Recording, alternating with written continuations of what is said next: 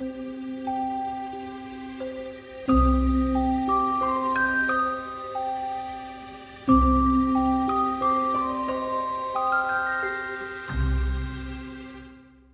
lytter til Harry Podcast. Mit navn er Nana Bille Cornelsen, og med mig har jeg. Amalie Dallov Hermansen. Hvor er det dejligt at se dig i dag, Amalie. I lige måde. Altså, sikke en dejlig fredag. Ja, det må man sige. Vi har aftalt, at vi lige giver en lille status på vores Ja. liv, og vi, fordi vi er i godt humør i dag. Vi er rigtig godt humør i dag. Vi har endda åbnet en flaske hvidvin. Ja. Det ved jeg godt sidst. Det gjorde vi også sidst. Ja, det, det, det kunne godt lyde som om, at det var en ting. Det plejer vi nu ikke. Bare roligt, det er ikke en fast uh, tradition. Der er en god anledning i dag. Sidst, der, der var det bare hyggeligt. I dag Ja. der er der en god anledning. Og det er fordi, uh, Amalie hun er gået på sommerferie. Yeah. Det er mega dejligt. Mm. Jeg er sådan set også på sommerferie i et eller andet omfang. Det har jeg jo sådan set været ret længe i et eller andet omfang. Men øh, jeg har to gode nyheder. Og den første er, at jeg har fået et job. Uh. Og den anden, det er, det er sådan en lidt en, en halvgod, halv dårlig nyhed nummer to, ikke? Nummer Som- to. Ja. ja. Som er, at jeg flytter til Bruxelles. Mm. Du skal ned til den europæiske ombudsmand Det skal jeg og nemlig. lave kommunikation. Det skal jeg nemlig. Jeg skal ned og, ned og forklare, hvordan øh, hun håndterer klagesager og sådan noget. Så det er rigtig spændende. Jeg ved godt, der er nok ikke særlig mange af jer lyttere, der, der ved, hvad ombudsmanden laver dernede. Altså, jeg gør ikke. Øhm, nej, men jeg vidste heller ikke, inden jeg søgte jobbet, vel? Nej. Sådan er det tit med sådan noget. Det skal jeg ikke sige til hende. Men, øhm, men, øh, men jeg har været så heldig at få et traineeship dernede, og jeg skal være dernede et år. Og det er jo fantastisk dejligt, fordi min partner, Daniel, har også været dernede det sidste halvår, og skal jo være der indtil februar. Så nu har vi en anledning til at være dernede sammen et år og få sådan et udlandseventyr. Og det er jo mega fedt. Tillykke med det.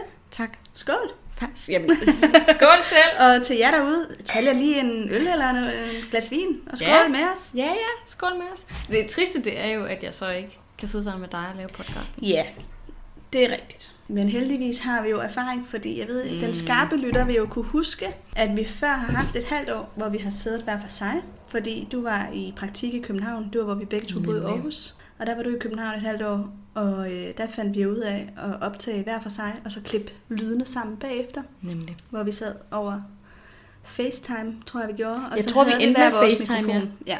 Det er nemlig rigtigt. Altså, der, der er tingene jo så med det, ikke? At der er sådan en lille bit smule lag. Så der bliver altid sådan en lille pause mellem, at man svarer hinanden. Og det er bare, hvad det er. Der er ikke så meget at gøre med Men det. det, altså, det er Bruxelles. Forbindelsen er altså god til Bruxelles. Det er jo rigtigt. Altså, jeg kan sige, at jeg har ringet rigtig meget til Bruxelles det her sidste halvår. Og nogle gange, så vil jeg sige, så er den lidt skød. Nå, det må vi finde ud af. vi finder ud af det. I hvert fald det vigtigste er, at vi bliver ved med at optage. Vi bliver ved med at optage det. Det har ikke nogen påvirkning på her podcast på nogen Nej. som helst måde. Og så er der faktisk en tredje god nyhed, Mm. nu når jeg lige tænker over det. Og det er, at jeg har fået mit første stik i dag. Nå, tillykke. Tak. Og du skal have dit første stik i morgen. Ja. Så vi er, vi er endelig undervejs til at blive Ja, vaccineret. hvor er det godt. Ja, det er godt nok Det også. har jeg set frem til længe. Ja, siden sidste år. Ja, men også altså her de sidste par måneder, hvor man lige pludselig rykkede tættere og tættere på, der er jeg også sådan, der har jo været lidt en bestillelse for mig faktisk. Altså, det jeg har fyldt alt for meget. Men du har også skrevet dig op til de der overskudsvacciner. Hver dag har jeg været inde og øh, registrere mig inde på Region Hovedstadens hjemmeside, hvor man kan modtage overskudsvacciner, hvis der er en enkelt i overskud, Mm. mm. når dagen er slut. Og det, altså det har jo taget lidt overhånd for mig faktisk. Og så har jeg været inde næsten dagligt her til sidst og tjekke ind på vacciner.dk for at se, om jeg kunne øh, melde mig til. Så jeg, jeg, jeg ved ikke hvorfor, men jeg er blevet totalt... Øh, Du bliver sådan lidt obsessed. ja, det er jeg faktisk, mm. hvis jeg skal være ærlig. Men jeg tror, det er det der med, at nu kommer man så tæt på. Ja. Nu vil jeg så gerne have det stik, så jeg kan komme i gang. Og... Men det er også frustrerende, at det, du ved, at planen den har ændret sig hele tiden, og man ligesom har tænkt, okay, men vi ligger sådan ret godt i svinget nu. Vi er jo ikke hverken de yngste eller de ældste, vel? Vi er begge to midt i 20'erne, eller ikke midt i Ej, 20'erne, det er vi undskyld, snart sidste, ikke i længere. 20'erne, sidste 20'erne. Det var det, jeg mente. Jeg mente sidste 20'erne. Jeg ved godt, jeg, ikke føler er mig, midt i 20'erne. jeg føler mig som midt-typer, men vi er slut-typer. Ja, det er Ja. vi, det er vi. Men, men man har ligesom tænkt, ej, det må sgu da snart være, og vi skal sgu da også have den fucking vaccine, og så er der de bare sådan kommet foran os. Mm. Vi har vidderligt endt med at være nummer chok, Mm. sammen med start 30'erne, ikke? Og vi har endda fået, her i Region Hovedstaden, fået dem samtidig med dem i start 30'erne, så vi er de sidste, der sådan nærmest får det tilbudt, ikke? Så det har været sådan lidt, jeg synes også, det har været irriterende at vente. Ja, altså ja, der er også det ved det, at i hvert fald fra mit vedkommende, at jeg lider jo af rigtig meget astma. Ja, Og det er, det, ja, det er som det er. du er udsat. Jeg har rigtig dårlige lunger, for at sige det som det er. Mm. Mm. Og det, øh, jeg er ikke dårlige lunger nok til, at jeg er blevet øh, en af de første, der fik en vaccine. Det var, jeg, har ikke, jeg er ikke i risikogruppen. Nej. Men jeg har bare været rigtig bange for at få corona, fordi man hører om dem, der får nedsat lungefunktion mm. og sådan noget i langtidsvirkninger. Det har jeg været så bange for. Det forstår jeg godt. Og er stadigvæk. Så jeg vil bare så gerne sikres mod det. Det forstår jeg godt, og det er også igen, at når du i forvejen har så dårlig en kapacitet, ja, og så skulle eventuelt ende med noget, der er endnu værre, ikke? Det vil Ja. være forfærdeligt. Ja. Så, Så det er dejligt. vi satser på, Det glæder vi os at over. vi slipper godt igennem uden noget corona, inden vi begge er færdigvaccineret. Det vil være rigtig, rigtig dejligt. Ja, og det samme håber vi jo for jer lytter. Ja, det gør vi. Så øh, on that note, nu er det sommer. Vi har fået øh, ferie, vi har fået stik, vi har, og du har fået job. Mm, Det, alt er godt. Så Alt er nu, godt. øh, nu er vi godt klar til den her episode. Ikke? Præcis, det er vi. Og en sidste note, vi gør bog 4 færdig, inden det er tager afsted. Ja. Så det, vi starter på bog 5 i Bruxelles. Ja. Der kommer ikke til at være noget et nyt i... kapitel. Og vi kan måske også lige tease lidt og sige, at vi har faktisk også tænkt på et nyt segment Mm, det er rigtigt. til vores næste sæson. Vi kan vel nok godt sige, hvad det er. Ja. Fordi vi er begge to ret glade for, at man i mange af de podcasts, vi hører, har sådan et plug-afsnit til sidst, hvor øh, værterne fortæller lidt om en eller anden ny bog, eller en Mm. ny film, eller en ny serie, hvad kan det være? Et eller andet, som de vil anbefale øh, deres lyttere at høre. Og jeg bruger det selv ret meget til at finde ny inspiration. Det er nemlig mega fedt, hvis man i forvejen synes, lige præcis den her særlige type ting er mega fed. Og Ja. nogle gange kan det være noget Harry Potter-relateret, og nogle Mhm. gange kan det være noget helt andet, ikke? Ja. Men det håber vi, at I vil synes om, fordi Præcis. øh, det er jo også fordi, der går jo en måned mellem, vi optager. Det gør der. Og det kommer Og nok det ikke kommer- til at blive kortere nu, Nej. kunne jeg forestille mig. Og, men så kan der være lidt i mellemtiden, som vi i rigtigt. hvert fald kan anbefale, man. Det er rigtigt. Men I må også lige, øh, apropos Bruxelles og jobnyt og sådan noget, I skal ikke være bange for, at øh, her podcast lige pludselig går hen og, øh, og lægger sig hen og dør eller sådan noget. Fordi vi laver det færdigt. Nu er vi Ja. nået altså, så langt. Jeg synes virkelig, at nu er vi kommet så langt ind i serien, at vi kan ikke... Nej, det skal gøres færdigt. Det, det, det bliver jo gjort færdigt. Ja. Om det så tager syv eller otte år. så vi det færdigt. Så ja, Yes. vi har kapitel øh, 34 og 35 i dag. Ja. Og det er Priori Incantatum. Og Veritaserum. Yes. Meget latinsk øh, titler det. Ja. Jeg har faktisk ikke engang slået op, hvad nogle af dem betyder, men øh, eller jeg gætter på Veritaserum, det er sikkert sådan noget sandhed, og så serum, sandhed, serum og sådan noget. Ja. Men jeg tror, op, priori incantatum, det betyder sikkert noget, noget foregående besværgelser. Ja, Altså, Ja. ja. så det er jo ikke fordi, at det forestiller mig også noget lignende, ikke? Mm. Nemlig. Men øhm, jeg vil lige, jeg har første kapitel, Priori Incantatum, og jeg laver lige et kort resume.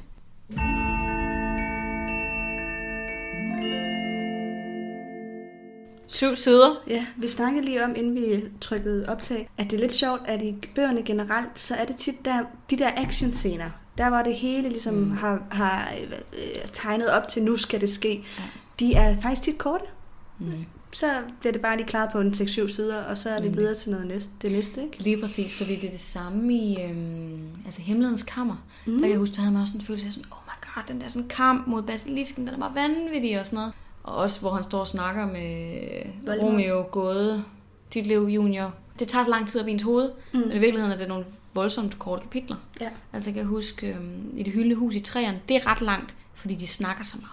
Ja. Så når der bliver talt, når der bliver forklaret, så tager det lang tid. ja, ligesom man kan sige, Voldemort har lige forklaret hele hans forhistorie i det Nemlig. tidligere afsnit. Nemlig. Det var også ret langt, så det er rigtigt. De der snakkescener, Ja. der fylder det. Der bliver der virkelig brugt noget energi, men øh, actionscenerne er ultra korte. Ja.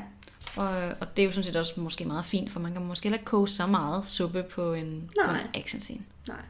Så Mm. jeg endte i hvert fald med det kort, og jeg sagde bare ja tak. Så det er super ja, fint. Så vil, vil du starte? Det vil jeg. Det starter jo sådan set med, at øh, Voldemort er færdig med at snakke. Han siger, nu skal vi duellere Harry, og tvinger ham til at duellere mod ham. Øh, deres tryllestav låser sig i den her pri- priori incantatum. Der kommer de her skygger eller ekoer frem af Voldemorts stav, og så stikker Harry af og griber transitnøglen og Cedric. Ja. That's it. Det var ultra kort. Jeg er i den modsatte ende. Jeg har et meget langt resume. Uh. Fordi jeg overtager så der, og Harry kommer tilbage til Hogwarts med Cedric og lander foran indgangen til labyrinten. Foran alle tilskuere med Cedric, øh, som jo er død. Og der øh, udbreder sig jo hurtigt en øh, panisk og chokeret ja. stemning. Altså, Lige præcis. Da folk ligesom opdager, at han ligger med et lig. Lige præcis. Jeg tror faktisk, øh, i filmen, der begynder de sådan at spille sådan happy music først. Ja. Sådan cel- celebration music. Og så går det op for mig, oh my god, no, somebody's dead. Men her, der synes jeg nærmest fra starten af. Der går i hvert fald ikke mange sekunder fra Harry er kommet tilbage til, at de ligesom godt kan se, ja. der er noget helt galt. Lige præcis. Vi ved jo reelt heller ikke, hvor lang tid han har været væk, vel? Det kan godt være, at de har gået og været sådan... Bekymret. Ja. ja, måske. Anyway, der er panik. Dumbledore øh, kommer hurtigt, som en af de første, hen til Harry og beder ham om at blive, hvor han er, mens han lige taler med Cedrics forældre. Mm-hmm. De står sådan lidt i baggrunden og kan ikke lige helt se, hvad der sker og foregår og sådan noget. Ja. Og så øh, efter at Dumbledore har sagt det, så kommer Dunner og tager Harry under armen og tager ham så med op på sit kontor op på slottet. Mm-hmm. Og Harry fortæller så om alt, hvad der er sket på kirkegården, og Dunner afslører så over for Harry, at det er ham, som er Voldemorts tro tjener. Ja. Og derudover er Dunner så meget optaget af, hvordan Voldemort har behandlet dødsgardisterne, kom, som kom tilbage til kirkegården, og mm. det bliver ved med ligesom at kredse om, og Harry svarer ham ikke rigtigt på det. Nej, han forstår heller ikke rigtigt, hvad pointen er med det i starten, vel? Fordi Nej. han er sådan, hvorfor er det vigtigt, hvordan han opført sig over for dem, om han torturerede yeah. dem eller sådan noget. Det er vel ikke det, der er pointen. Nej, det er som mm. om, at han Dunner vil gerne have sådan meget slibrige detaljer. Ja. Og han bliver mere og mere manisk i takt med, at han ligesom afslører, hvordan han har hjulpet Harry. Han afslører sådan løbende hele bogen, hvad han har lavet. Mm-hmm. Og han fortæller, hvordan han har lukket Hagrid til at vise ham dragerne, og hvordan han har fortalt Cedric om ægget som han skulle ned i vandet, og han fik Dobby til at stjæle gælletang til ham, og fjernede forhindringer uden for labyrinten, så Præcis. Harry ville få lettere ved at komme ind til pokalen.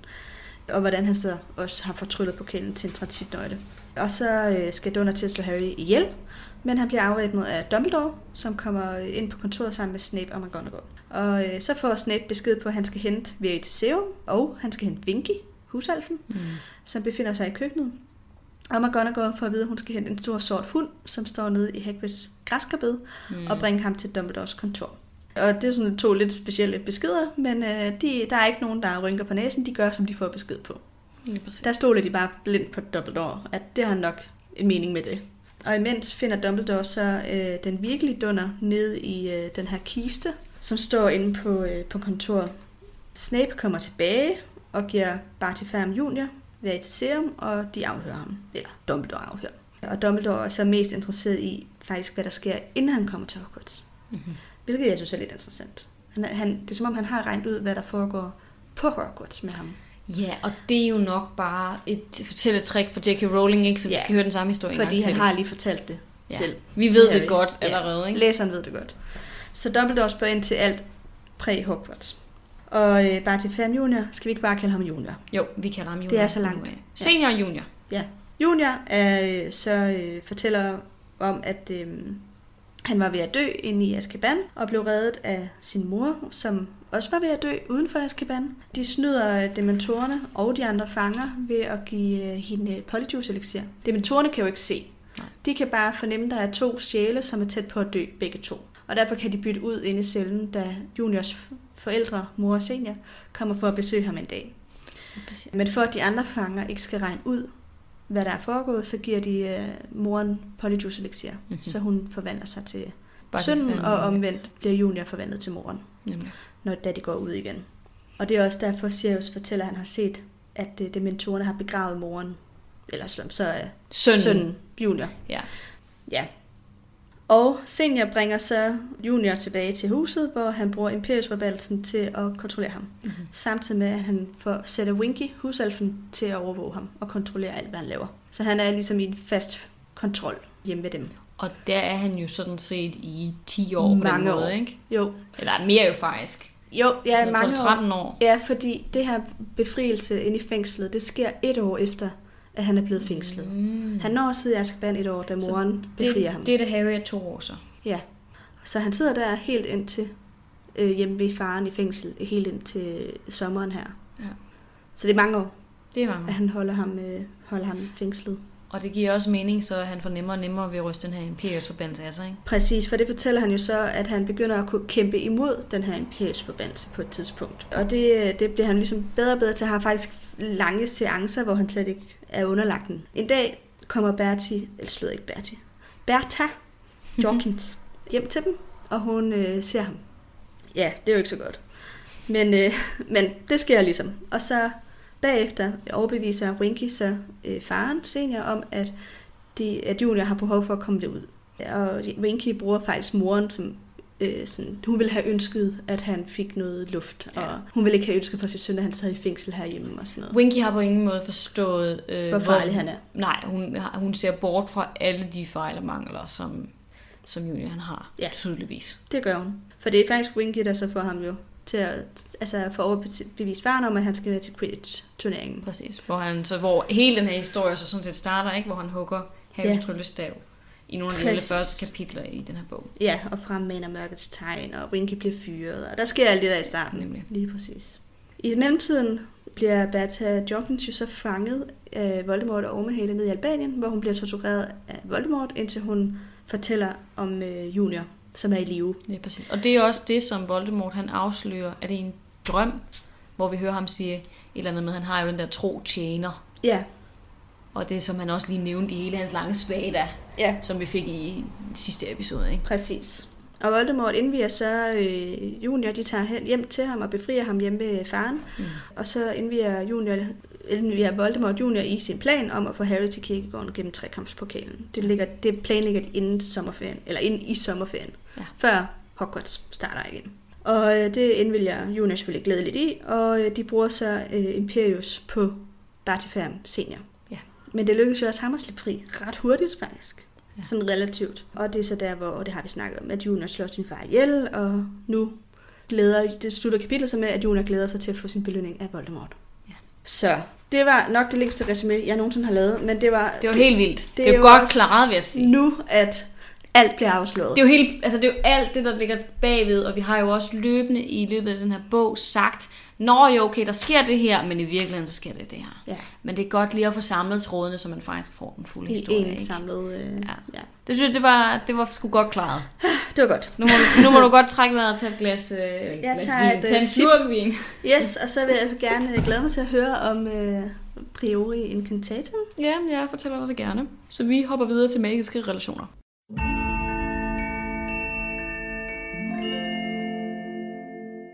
Godt. Det første, jeg gerne vil snakke om, det er Voldemort og Harry. Det er ligesom dem, der er vigtige i det her, ikke? Fordi, som jeg sagde, mit, mit kapitel er super kort, og det er jo ikke så plotdrevet, som det er actiondrevet. Så det er jo ikke fordi, at der er en masse at sige om relationerne på den måde. Men der er stadigvæk nogle interessante ting. Og det er blandt andet, at øhm, jeg synes, Voldemort har lidt en interessant tilgang til det her. Og det kan godt være, at vi snakkede om det lidt sidst, men jeg synes, han har sådan meget øh, sådan lidt teaterkørende. Mm. Han prøver ligesom på at lave en form for forestilling. Og man kan tænke, okay, er det til ære for Harry, er det til ære for dødskardisterne? eller hvad skyldes det lige? Men jeg tror egentlig, at det er så dødskardisterne også fortæller det videre, så der kommer et rygte om, hvor øh, totalt overlegen og øh, super stærk og sådan great han er. At nu er han ligesom kommet tilbage til sin fulde styrke, og der er ikke nogen, der kan måle sig med Voldemort. -agtigt. Det er min fornemmelse, fordi han, han leger ligesom med Harry han gør det til et show. Han spiller ligesom lidt, og øh, altså, han nyder selvfølgelig også at torturere ham og udsætte ham for de her forbandelser og sådan noget. Men det føles også som om det er, du ved, for ligesom at understrege, den her knægt, han har ikke en skid på mig. 100 procent. Det er helt altså, Og han beder jo også de andre om at blade sig udenom. Nemlig. Altså, det her, det er ja. hans kamp. Præcis. Og det er også derfor, jeg tænker, det er overhovedet vigtigt for ham, at det er Harry, det er for the show. Fordi han kunne nemlig lige præcis som Ormehale siger, have valgt hvem som helst. Han kunne have brugt Bethel Joking, uh, Jokins, Joking eller Jokins? Jokins. Jokins. Han kunne have brugt altså en hver troldmand, han kunne finde, sådan set. Han ikke, behøver ikke Harry, så han har lavet de her kæmpe store sådan spin af en plan for at få lige præcis Harry. Og, og det er jo for at, kunne, at det skal se ud af noget, og det skal være noget særligt. Jeg tror ikke på, at han bliver stærkere af, at det lige er Harry. Det er Nej. bare noget, han bilder sig selv ind. Det tror jeg, du er ret i. Og jeg tror også, vi snakkede lidt om det sidste gang, men det bliver jo Voldemorts egen undergang, at han lægger så meget værdi Nemlig. i sådan nogle ting her. Som for eksempel, at det skal lige præcis være Harry, ja, og det skal lige være nogle bestemte ja. genstande, han bruger til at. Og, altså, han går meget op i de der Det er meget symboler. symboler. Ja. Altså, han er ekstremt symboldrevet. Symbolikken, det er number one for ja, ham. det betyder noget. Altså, også det der med at stå på kirkegården på hans fars altså grav og sådan ja. Så han kører det virkelig op i de helt høje toner. Ja, så det lægger han en meget, meget, meget stor værdi i. Præcis. Det havde været meget nemmere det her, hvis han bare havde brugt Bertha Jorkins, to be honest, ikke? Men det gør han ikke. Og som du siger, classic Voldemort. Men jeg synes, det alligevel er lidt interessant, for der sker noget her, da Harry han bliver udsat for Imperius forbandelsen, og så kaster den af sig og nægter. Mm-hmm. Der tror jeg, det går alligevel lige op for Voldemort. Okay, der er måske alligevel et eller andet her. Det er måske ikke helt lige så lidt alligevel. Det er også ret imponerende. Det altså, er imponerende. Vi kan jo høre, hvordan at Bartifam Junior bruger flere år på ja. at stå imod Imperius forbandelsen, som er lavet... Selvfølgelig er hans far en god troldmand, men Voldemort er jo en af de mægtigste troldmænd, så mm-hmm. må ikke hans forbandelse, at det er desto mere sværere at øh, kaste af sig. Helt sikkert. Men jeg tænker også, det kan noget at gøre med, at han undervurderer Harry så meget. Ja. At han nok ikke bruger sit fulde, sådan, sin fulde magt på at kæmpe mod Harry, fordi han ved godt, Harry er 14 år gammel på det tidspunkt. Så det kan godt være, at det simpelthen er, fordi han undervurderer ham. For ellers vil det jo ikke give mening, vel? Harry er jo ikke...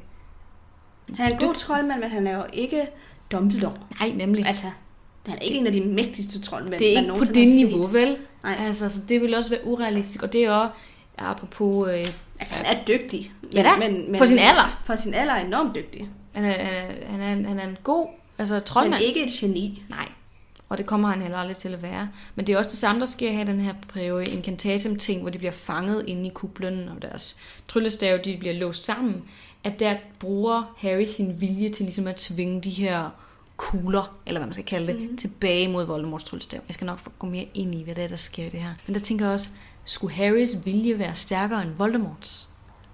Det, Nej. Det virker også, også sådan lidt... Man kan sige, at forskellen er nok, at Harry har en større dødsangst ja. i det her øh, øjeblik. Ikke? Altså, jo. Voldemort Han er sikker på, at det er ham, der dør. Ja, Voldemort har selvfølgelig også en generelt stor frygt for at dø, men, men lige i det her øjeblik, ja. i en duellen mellem ham og Voldemort, ja. der er det helt klart, at Harry også ser sig selv som the underdog, mm-hmm. og tror, nu er det så ude med mig. Han går ind i altså, det med tanker om, at jeg dør. Ja, og det, og det står jo faktisk også i bogen, ikke? at han var sådan, ja, nu, han beslutter sig ligesom for, at jeg kan dø liggende mm-hmm. om bag den her sten, hvor Voldemort bare kommer om og dræber mig, eller jeg kan stille mig frem og tage kampen. Lige præcis. Og det er mere ærefuldt død. Så det gør jeg. Nemlig. Men han tror, han dør uanset hvad. Det gør han. Ja. Altså, og, og Voldemort ser altså jo så modsat som en eller anden, øh, igen, en overherre, der skal til at træde en eller anden kakelak ihjel. Ja. Altså, det er så bare ikke sådan, det bliver vel. Og det Lidt er jo... ligesom England, synes de bare mod Danmark den sidste kamp. Nej. ja, udover de så jo også vandt. De så vandt også, ja, det er sådan ja. rigtigt. Jeg så den ikke. Nå, det gør jeg. Men øh, det, ja, det var en dårlig sammenligning. det var fuldstændig ligegyldigt. Igen, jeg interesserer mig ikke for Quidditch. Jeg interesserer mig apropos heller ikke for fodbold. Så. Det gør jeg heller ikke normalt, men jeg er blevet smittet af folkestemningen. Jamen, jeg forstår det også godt. Ja. Det er også fair. Jeg, jeg tror måske også, jeg kommer til at se finalen. Mm. På grund af kærestepres. Men ligegyldigt. Lad os gå videre til noget virkelig, virkelig vigtigt. Lad os gå videre til noget virkelig vigtigt. Og det er jo det, er jo det her med, at, at de jo så de kæmper. Voldemort udsætter ham for de her forskellige forbandelser og sådan noget, og så gør han, som du siger, Harry, han løber om bag, øh, jeg tror at det er Voldemorts egen fars gravsten, som han gemmer sig bag, og øh, Voldemort laver ligesom den der titte bøge, og vil, altså stikker hovedet ud bagved, og vil, vil sværge ham med øh, Vada Kedavra, og Harry sender Expelliarmus tilbage. Mm. Og her der bliver deres øh, besværgelser så låst på en eller anden måde. Deres tryllestav bliver låst sammen i den her Prior Incantatum. De forstår overhovedet ikke, hvad der sker Voldemort gør tydeligvis heller ikke. Han er, Ej, det bliver beskrevet flere gange. Han er ikke forberedt. Nej, han er forbløffet, han er, bliver bange. Der står der på et tidspunkt, hans ansigt var blegt af redsel. Og det lyder sådan helt weird, ikke? Om mm. Voldemort, men det er det, det, der står i bogen. Der kommer en kuppel ud over dem, og de bliver sådan tryllet op i luften og svæver et andet sted hen. Ja. Det bliver meget sådan specielt beskrevet. Men ikke så langt. Altså, det er, jeg tror, det er 100 meter eller sådan noget. Ja, ja, det er ikke de er langt væk. De er, det er flere kilometer. De er nærheden af der, hvor de stod før. Jeg ved ikke, om det for at give bedre plads til besværgelser, eller hvad der lige sker, men den løfter dem sådan op i luften i hvert fald. Ja. Og så skal dødsker de sådan så løbe efter. Ja. Og sådan, den, det, det, er egentlig meget sådan og det er, det, ikke, det er det ikke lavet på film, og det er nok, fordi det vil komme til at ligne, at det blev for komisk. Ja, altså, det tror jeg også. Ja. Og jeg ved heller ikke helt, hvad pointen lige er, men, men der er i hvert fald noget der. Og hele den der situation, den giver på en eller anden måde Harry noget gejst og det gør bare Voldemort fuldstændig redselslagen. Og igen, det er jo også super interessant, fordi Prior Incantatum er jo egentlig en besværgelse, som rigtig mange kender. Fordi det er en normalt brugt besværgelse. Det her med, at man får øh, tryllestaven til at lave et ekko af sig selv, det gør bare til Færm Senior. Tidligere i bogen, da han finder Harrys tryllestav, for ligesom at se, at den, der er blevet brugt til at lave øh, mørkets mærke. Mørkets tegn. Mørkets tegn. det er mørke mærke, skulle jeg sige. Men, men den bruger han nemlig på det tidspunkt. Så det er egentlig en ret standard besværgelse, men den her effekt, der sker, når de her tvillingetryllestaver bliver låst sammen, den er åbenbart ikke så kendt. Fordi Voldemort kender den i hvert fald ikke. Jeg ved heller ikke, om Voldemort ved, at Harris og hans tryllestave har samme kerne. Det tror jeg ikke, han gør. Fordi i bog 7, der har han jo fanget Ollivander. Ja. Og det er selvfølgelig i forbindelse med Oldstaven, man kunne forestille mig, at han også er interesseret i ligesom at finde ud af, hvad var det egentlig lige, der skete der Ja, med hans og, og Harrys det tryllestav. må man forestille sig, at han også har spurgt ham. Fordi han er i hvert fald, altså han begynder jo derefter at bruge nogle andre tryllestav. Hmm. Jeg ved ikke, om det er lige umiddelbart efter den her kamp, men han finder i hvert fald ud af, at han kan ikke bruge sin egen originale tryllestav mod Harry. Ja, men det er, vel, det er jo faktisk øh, senere, for at øh, han, Voldemorts tryllestav flækker.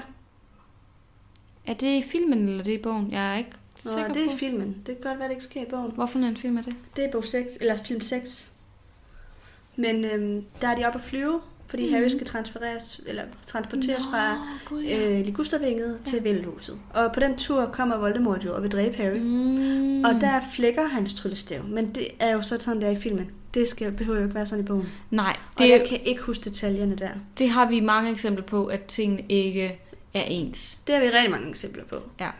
Men i hvert fald sker der et eller andet, jo også i bogen, som gør, at Voldemort finder ud af, min tryllestav er ikke god at bruge mod Harry.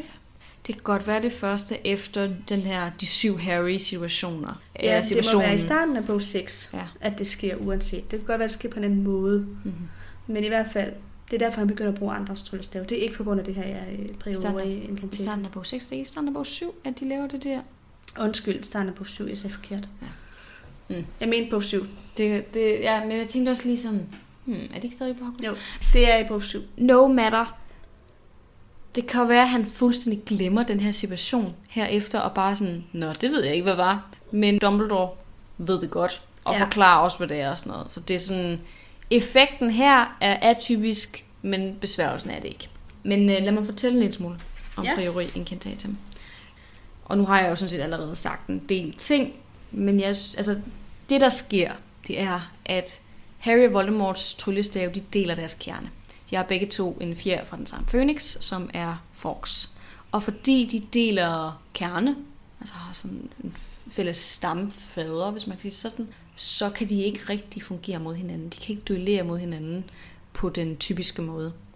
Det er der selvfølgelig ikke nogen af dem, der ved inden her. Jeg tror, Harry han har fået at vide, at han ved godt, der er... at det er øh, Voldemorts fællestræk. tryllestav, ikke? At, det, at de har de her tvillingestave. Ja, det får han at vide, da han køber sin egen Ja. ved Ollivander. Det synes jeg også, han siger decideret, at det er mørkets herre, der har den anden, ikke? Ja, ja det er jeg også ret sikker på. det gør han. Det er jeg helt sikker. Men de kan ikke kæmpe mod hinanden. De bliver låst i den her meget sjældne situation, fordi det sker åbenbart ikke tit, at to tryllestave med den samme kerne, de...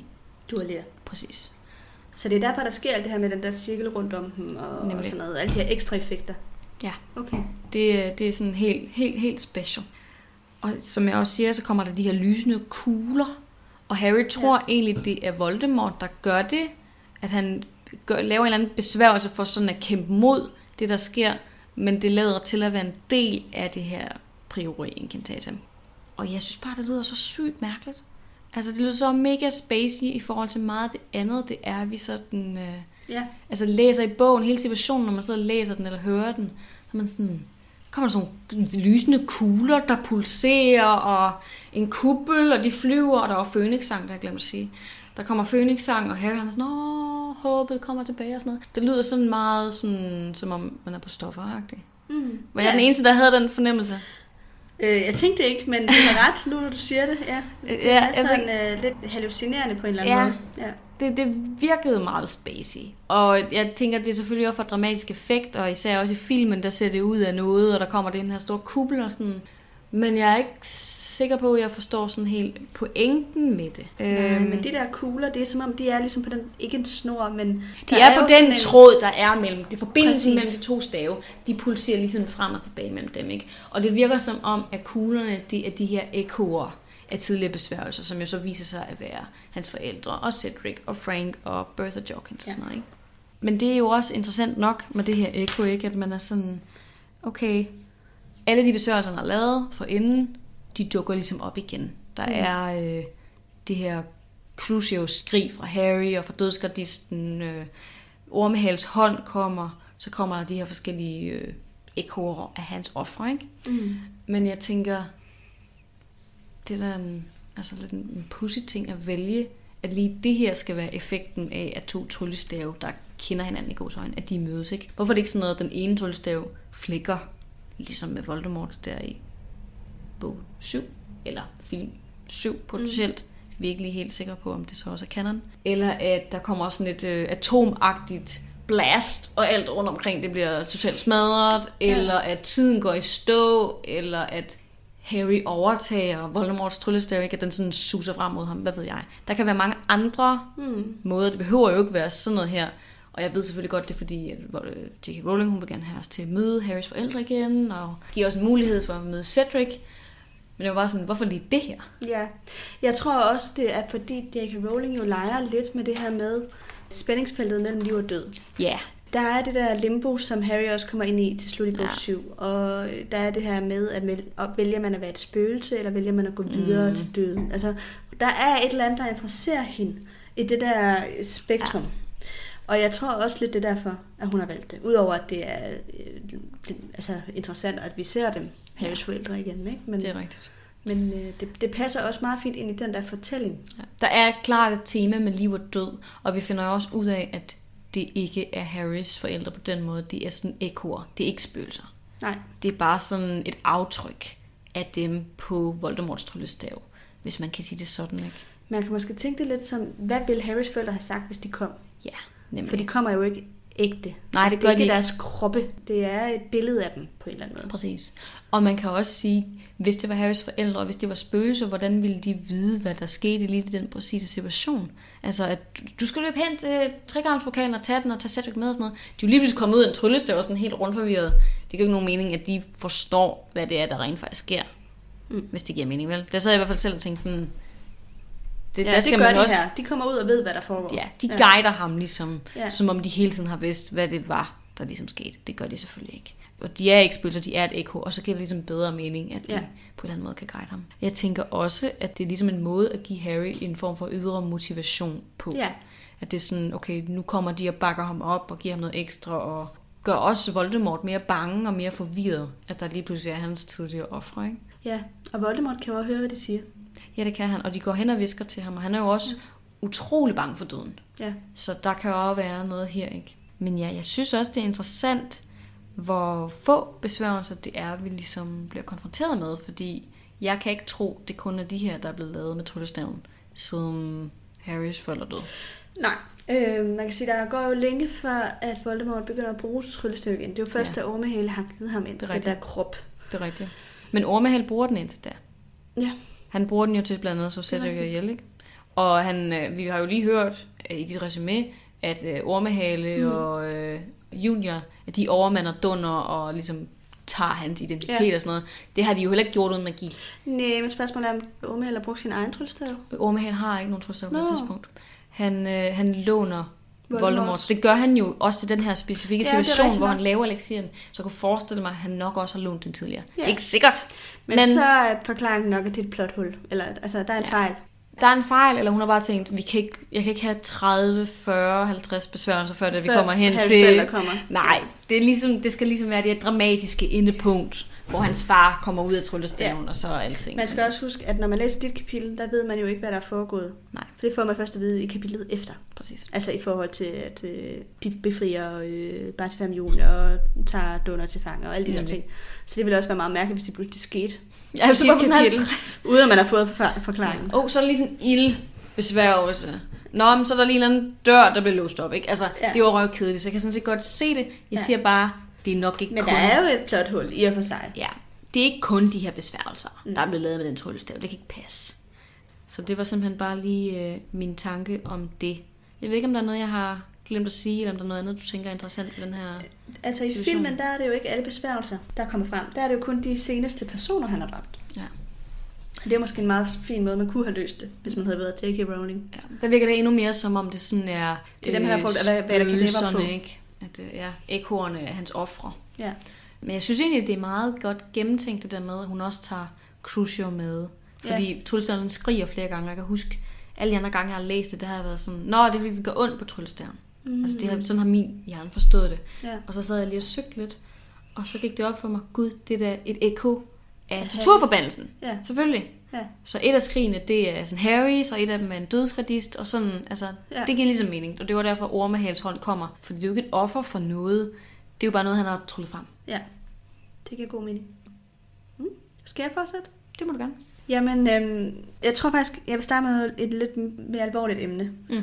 Fordi Cedric dør jo Ja. for et par kapitler siden nu jo. Men kommer så tilbage i dit kapitel, som den her, det her eko, og beder jo så Harry om at tage hans lig med Ja. tilbage til hans Ja. forældre. Lige præcis. Øhm, og det gør han jo så, og, og, og det hører vi jo så også om, det her med, at det skaber panik og, hvad- og hvad der sker og sådan noget. Vi hører ikke rigtigt om øh, Cedrics forældres reaktion i mit kapitel, men vi, de opdager ligesom, at han er død, og så er det Dumbledore går hen og snakker med dem.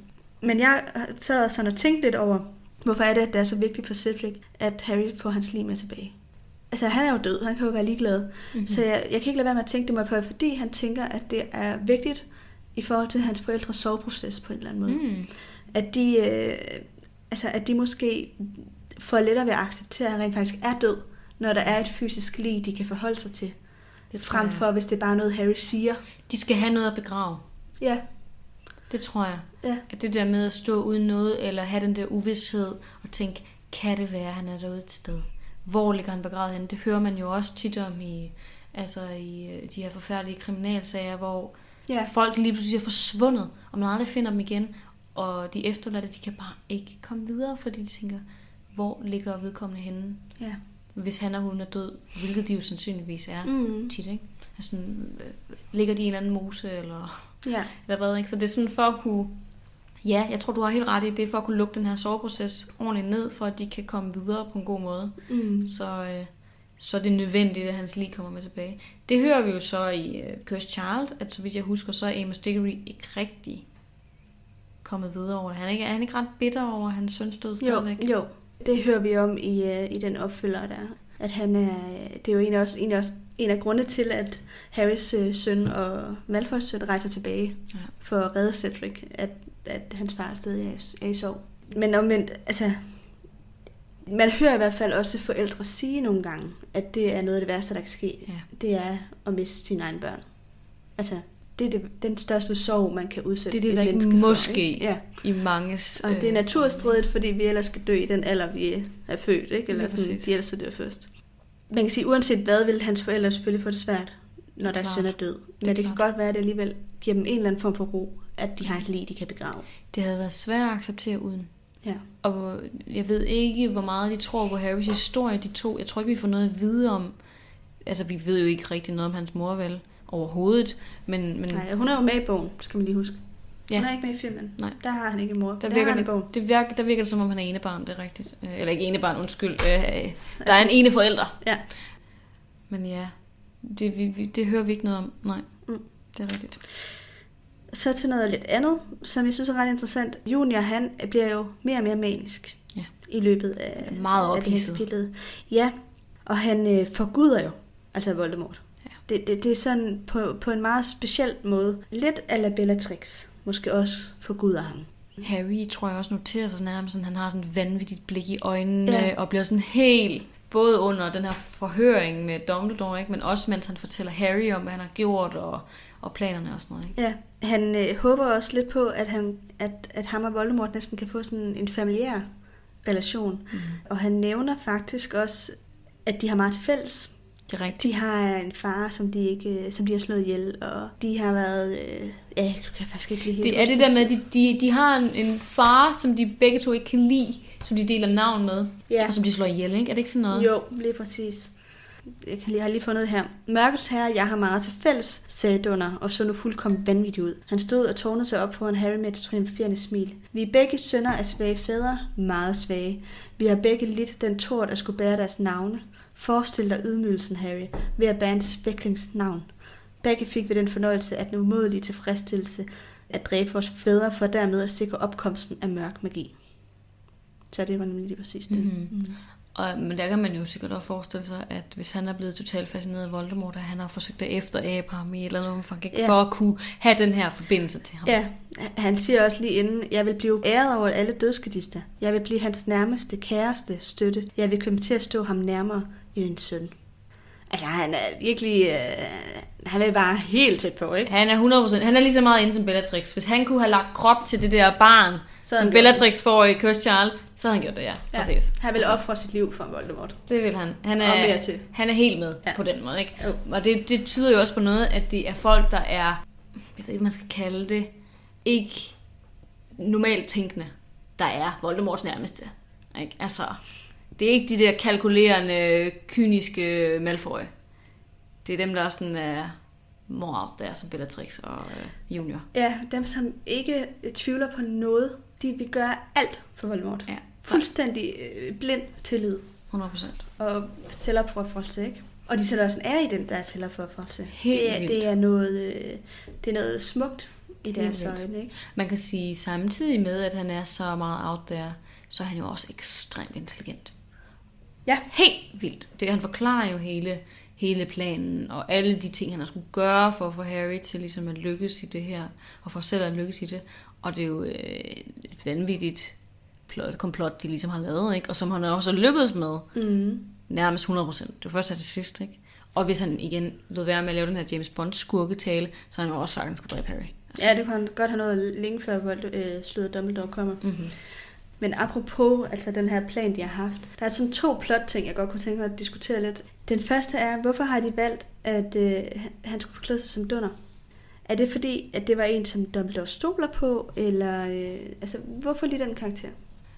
Jeg tænker, en ting det er, at øh, det er en karakter, som ikke optræder på skolen før. Så det er jo meget passende, at der er mange, der ikke kender ham i forvejen, eller i hvert fald kun kender ham sådan pæfærd, ikke? Ja. Så på den måde, der, Dumbledore kender ham selvfølgelig. Og han Dumbledore kom- kender ham jo særdeles godt. Lige præcis. De er nærme venner. Og der er jo også en del, der har, øh, har kæmpet med Dunner, eller har kendt til Dunner i forhold til den første troldmandskrig og sådan noget. Så på den måde, der er der jo også mange af de voksne, der har en relation til ham. Men eleverne kender ham ikke godt. De kender ham kun af rygte. Og så tænker jeg samtidig også, at han er så tilpas mærkelig i gåsøjne. Ikke? Han har nogle quirks, Mm. som ligesom hjælper med at gøre ham, det ved jeg ikke, sådan mere... Øhm, forstår du, hvad jeg mener? Det er nemmere sådan at skjule sig som ham, fordi han i forvejen gør nogle har ting, der er... særlige kendetegn. Ja, han er lidt suspekt på nogle punkter. Ikke? For eksempel det der med, det siger Dumbledore, der er også, tror jeg på et tidspunkt, at han går og drikker hele tiden. Altså alle ved, Dunder han drikker af, af sin egen lommelærke. Han deler ikke altså sådan drik med Nej. andre. Så derfor er det en per- perfekt måde at drikke polyjuice. Det siger han ikke i dit kapitel. Jeg kommer til at høre lidt videre i dag. Men øhm, Jo, det gør han faktisk. siger han det i dit kapitel Ja, også? Okay. Men det, det er jo bare... Altså, det er jo totalt oplagt, at han så kan gemme sig en person, der allerede er sådan meget suspicious, og går og passer lidt på, og Ja.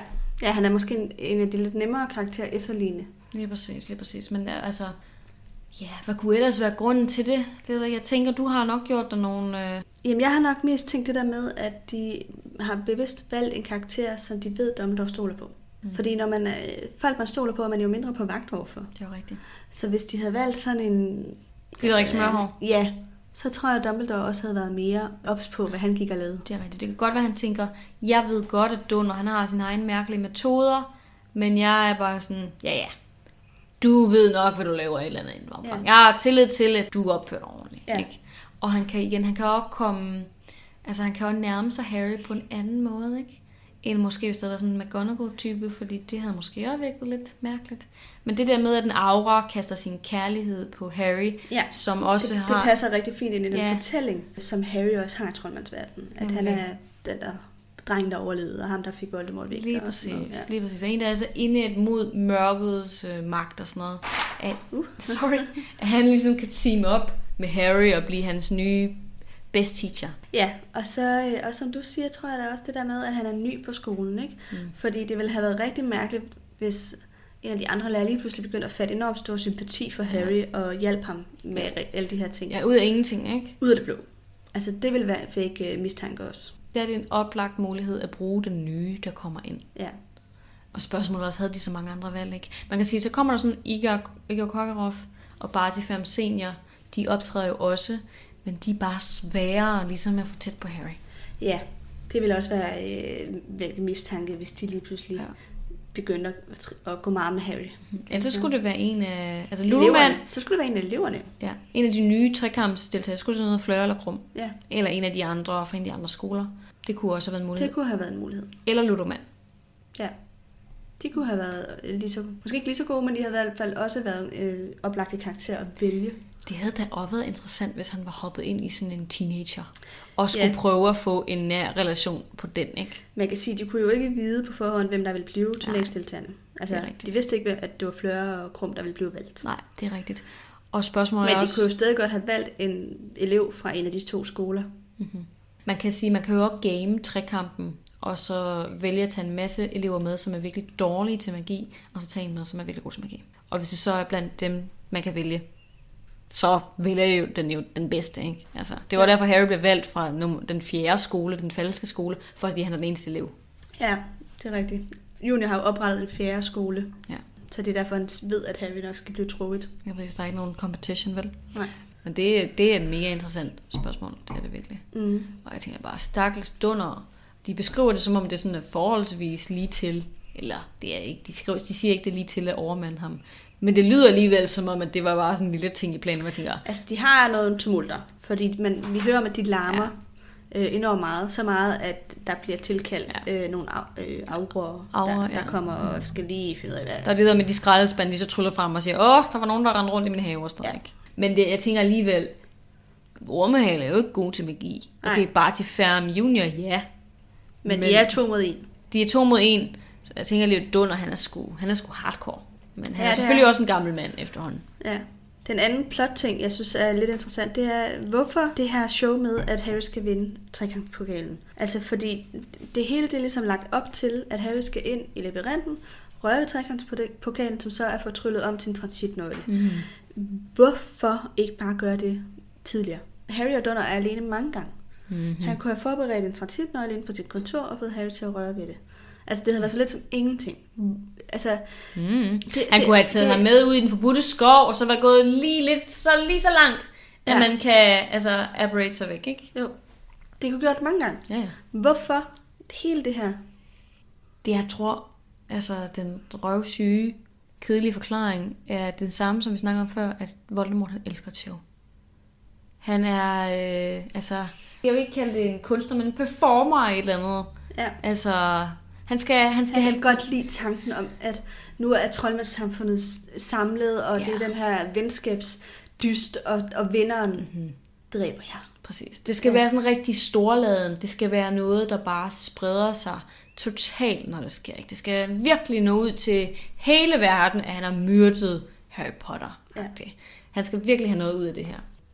Og det tror jeg, at hvis, han, hvis Harry bare lige blev besværet væk, så vil han ikke få det der, som han har behov for. Han Nej. har behov for at lave en kæmpe, triumferende indgang i troldmandsverdenen igen. Ja. Det tror jeg simpelthen. Men det vil give mening, den køber jeg. Fordi jeg havde egentlig bare tænkt, det var mere, altså sådan, for at der var noget, noget at skrive om i bog 4. Jamen, det, det kan sagtens også være, ikke? Men jeg, jeg, jeg synes egentlig, det falder ret godt i hak med, hvordan han er. Og også det her med, at det skal være Harry. Ja, ja, det passer, det passer fint ind i den der fortælling om, at, at Voldemort kan lide et show. Ja. Og han kan lide de der øh, wow Det skal være ikke? dramatisk, det skal være storladen, altså på den dårlige måde. Det skal være ja. virkelig sådan, det skal bare lige være sådan en lille, nu, nu, nu stjæler vi ham lige ud af slottet, og så, ja. for det, det er præcis som du siger, han, Moody kunne jo, eller undskyld, Dunder, kunne sagtens have kidnappet ham, taget ham med ned i Hogsmeade, og så, altså igen, de kunne bare tage ned i Hogsmeade, sagt, skal du lige med herned, og så have taget hen til Voldemort. Der er ikke brug for mere end det. Men det skal være ekstra, ekstra dramatisk. Men det leder faktisk ret godt videre til øh, frileje, hvis du ikke øh, har med. Ja, jeg har lige to små ting til okay. sidst. Jeg synes, det er interessant, at Dumbledore viser en lidt ny side af sig selv lige pludselig. Ja. Han er øh, lige pludselig rasende og frygtindgydende, tror jeg, Harry beskriver ham som. Ja, han siger, han har aldrig sådan set ham så vred før, og han forstår godt, hvorfor Voldemort er bange for ham, ikke? Ja. Ej, han siger ikke, han er frygtelig det var mit ord, men han siger, at udtrykket i Dumbledores ansigt, da han stiger ned på den bevidstløse dunder, var frygteligere, end Harry nogensinde havde forestillet sig. Der var intet spor af det venlige smil på hans ansigt, intet glimt i øjnene bag halvbrillerne, men tværtimod iskoldt raseri, aftegnet i hver eneste elgamle træk. Så han ser en ny side. Det gør og han den virkelig. Øh, skræmmer ham lidt. Ja. Dumbledore kan godt blive vred. Dumbledore er ikke bare en gammel mand, der ikke kan skide. Nej. Det finder vi jo også ud af i bog 5, når han duellerer mod Voldemort, at der er altså noget kraft og noget magt og noget grund til, at Dumbledore er så respekteret. Der er en grund til, at han er en af verdens mest mægtige troldmænd. Ja, han er ikke bare sådan der er på chokoladefrøkort og sådan noget, vel? Og så det sidste ting, jeg synes er interessant, som vi også lige vil nævne, det er jo det her med, at øh, Juniors mor, Mrs. Sværm, at hun øh, vælger det her. Det er jo hende, der får overbetalt faren om, at de skal befri sønnen fra Azkaban, ikke? Hun kommer sig jo tydeligvis ikke rigtig over den skæbne, han har fået med at skulle Nej. ind og spille den. Og, øhm, og det er jo øh, tydeligvis også en meget, meget dårlig idé. Det er altså, det, der er skyld i, i alle problemer i den her bog. Præcis. Altså, øh, men det er bare, øh, det er jo, det er jo et lidt interessant emne også, eller t- ikke det emne, men dilemma, som moren og faren står i. Altså, skal vi gøre det rigtigt, eller skal vi følge vores følelser? Men det er jo også, nu når du siger det, ikke? så kommer jeg også til at tænke på, en moders kærlighed er jo også ekstremt vigtig i Harry Potter, ikke? Ja, det fylder, det er også et tema, der fylder meget. Harrys mor, Lily, Voldemorts mor, som jeg ikke kan huske, hvad hedder. Øhm, hun hedder øh, noget med M. Åh, oh, det ligger lige på det. Ej, hvor er det Jeg kan overhovedet irriterende. ikke huske det. Ej, er det sådan noget, man bliver så træls, når man lige kommer i tanke om det, fordi så ved man, tænker man selvfølgelig, jeg kan simpelthen ikke huske det lige nu. Nej, jeg har, den er også lost for mig. Jeg vil ved på, Jeg at... det lige. Det Du- er simpelthen for irriterende, at vi ikke lige kan huske det. Fint. Bare snak videre. Voldemorts mor, Mm. og nu også Bartifam Juniors mor, ikke? Mm. Det, der er forskellige måder at tilgå sine børn, og man kan sige, hverken Voldemort eller Harrys mor får jo lov til at se deres sønner vokse op Ja, med råbe. med råbe. Åh, oh, gud ja. Det er rettigt. Men ikke desto mindre, så træffer de nogle valg, der har afgørende betydning for deres sønner. Ja, det er rigtigt. Og det er rigtigt, det passer øh, igen ind i den fortælling, at J.K. Rowling kredser lidt om det der moderkærlighed og moderskabet og Ja. sådan noget. Det er præcis. Ja. Det er bare, øh, det er bare interessant, altså, at hun, hun lytter jo tydeligvis ikke til de signaler, der er Nej. hos den søn. Overhovedet ikke. Og man kan sige, det at Harry ser retssagen mod Bartifam Junior, det har han jo heller ikke selv overbevist, vel? Det, det, Nej. det virker ikke som om, han er sådan 100% på, at er han faktisk skyldig, vel? Så det kan godt være på det tidspunkt, at han har været meget god til at skjule den der fanatisme og... Altså, Det har han tydeligvis været, men jeg tror også, moren har været forblændet. Og har valgt at undlade at se de der ting og de træk. For der har jo, der har jo helt sikkert været nogle signaler. Det eller måske har accepteret det og været sådan lidt, min kærlighed, den kender ingen grænser, og jeg kan ikke leve med, at min søn, han skal udsættes for det her, så jeg vil gøre alt for, uanset hvor ond og afskyelig han er, at han ikke dør i det der fængsel. Altså sådan, fordi det sker jo også her i, i vores egen, egen verden. Ikke lige, at mødre får sat deres sønner fri, det sker sikkert også. Men jeg tænker, der er jo også nogen, som selvom deres børn har slået folk ihjel og har været nogle forfærdelige monstre nærmest, ikke? At, at de jo stadigvæk er sådan, jamen, du er jo også stadigvæk mit barn. Mm. Så snakker vi også om for nogle afsnit siden, det der med, hvordan, hvordan skal man håndtere, hvis ens barn er ond. Det er rigtigt. Altså, det, det, det er et svært dilemma. Det er helt vildt svært. Det er Ja. helt vildt svært. Mega spændende. Eller, eller ikke nødvendigvis er ond, men han i hvert fald har gjort nogle onde handlinger, ikke? Det, Mm. det, det, jo, det snakkede det vi er om. svært, ja. Vi snakkede om det i forhold til de her skoleskyderier over i USA, Ja, ikke? jo. Øhm, og det, det er ekstremt dilemmafyldt, tror jeg, at stå i den situation og skulle for, forholde sig til det, ikke? Jo. Nu er, er vi klar til frileje.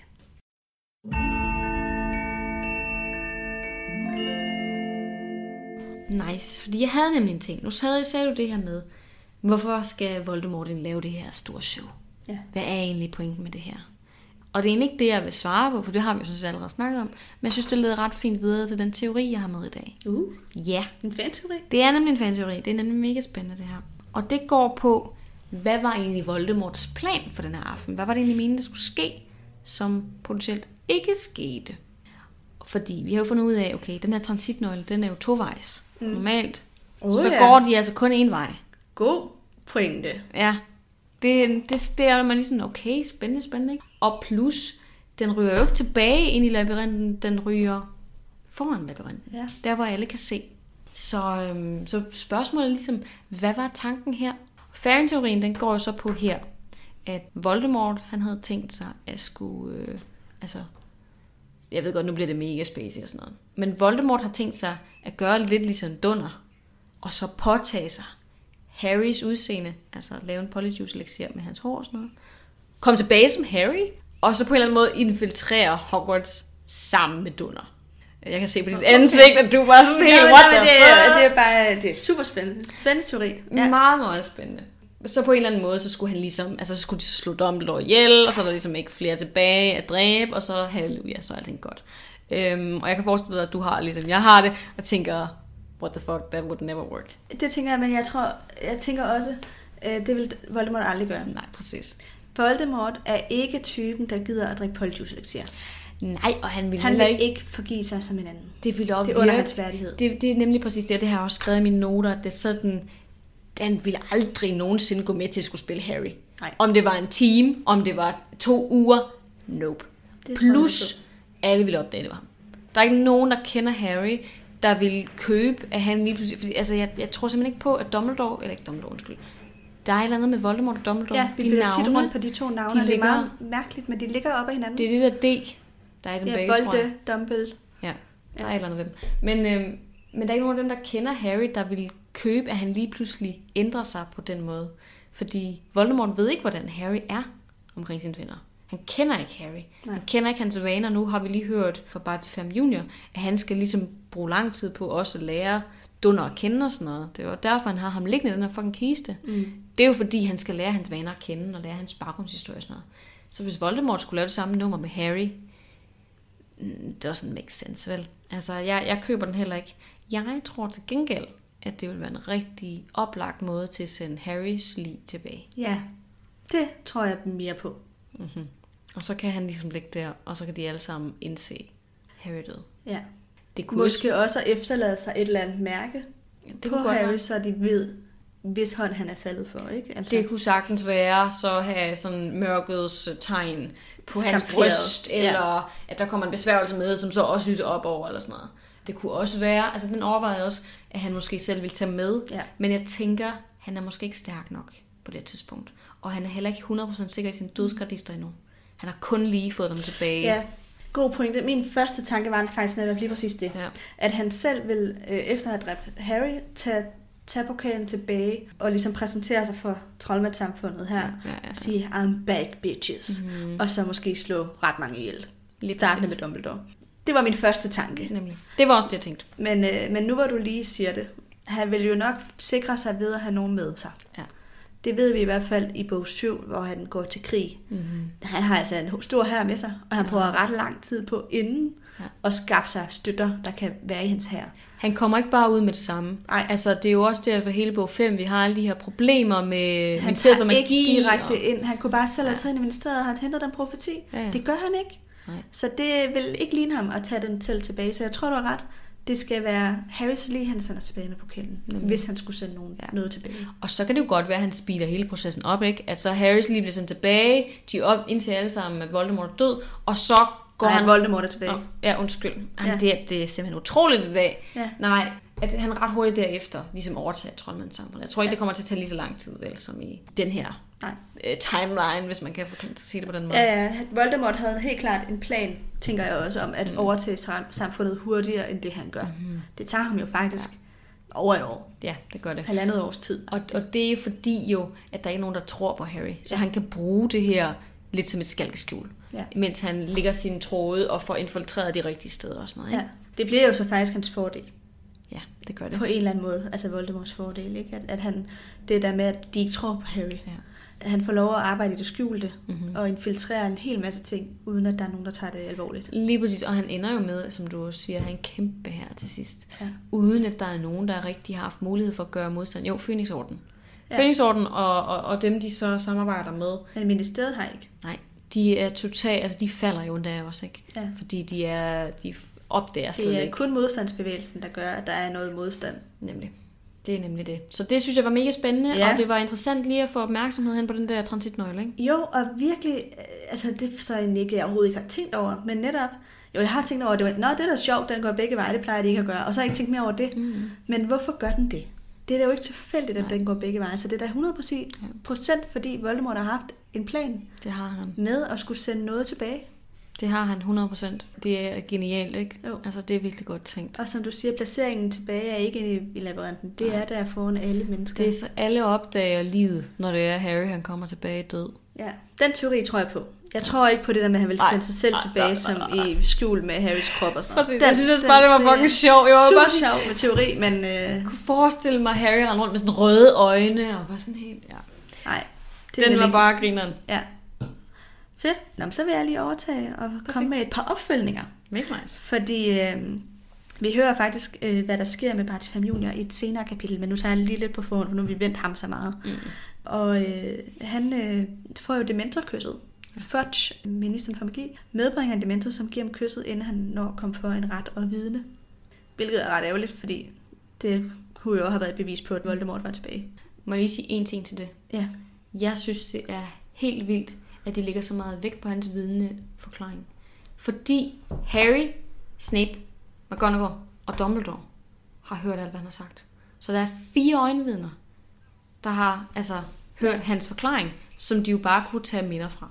Altså ærligt, ikke? Harry, han har jo set... Ja, rest... eller de kunne have givet dem serum på den måde, stolet på deres vidneudsagn. Det kunne de også. Altså, der er mange måder ligesom, at, at bruge deres vidneudsagn på. Men det gør man ikke brug af. Altså, de tror jo ikke på deres vidneudsagn, fordi de bare sådan... I, siger, de er jo bare alle sammen Dumbledore ja. støtter, og Harry støtter, så selvfølgelig ja. siger I bare det, det er McGonagall og Snape. I siger bare det, som de vil have. Nemlig. Men det kunne de jo sagtens have afsløret, som du siger, ved at bakke dem Altså, ja, ja. vi kan bare afsløre dem ved at give dem til serum, så vil ja. vi jo tro på vidner. Der er masser af beviser. Altså, de ja. behøver sådan set ikke øh, bare til 5 junior.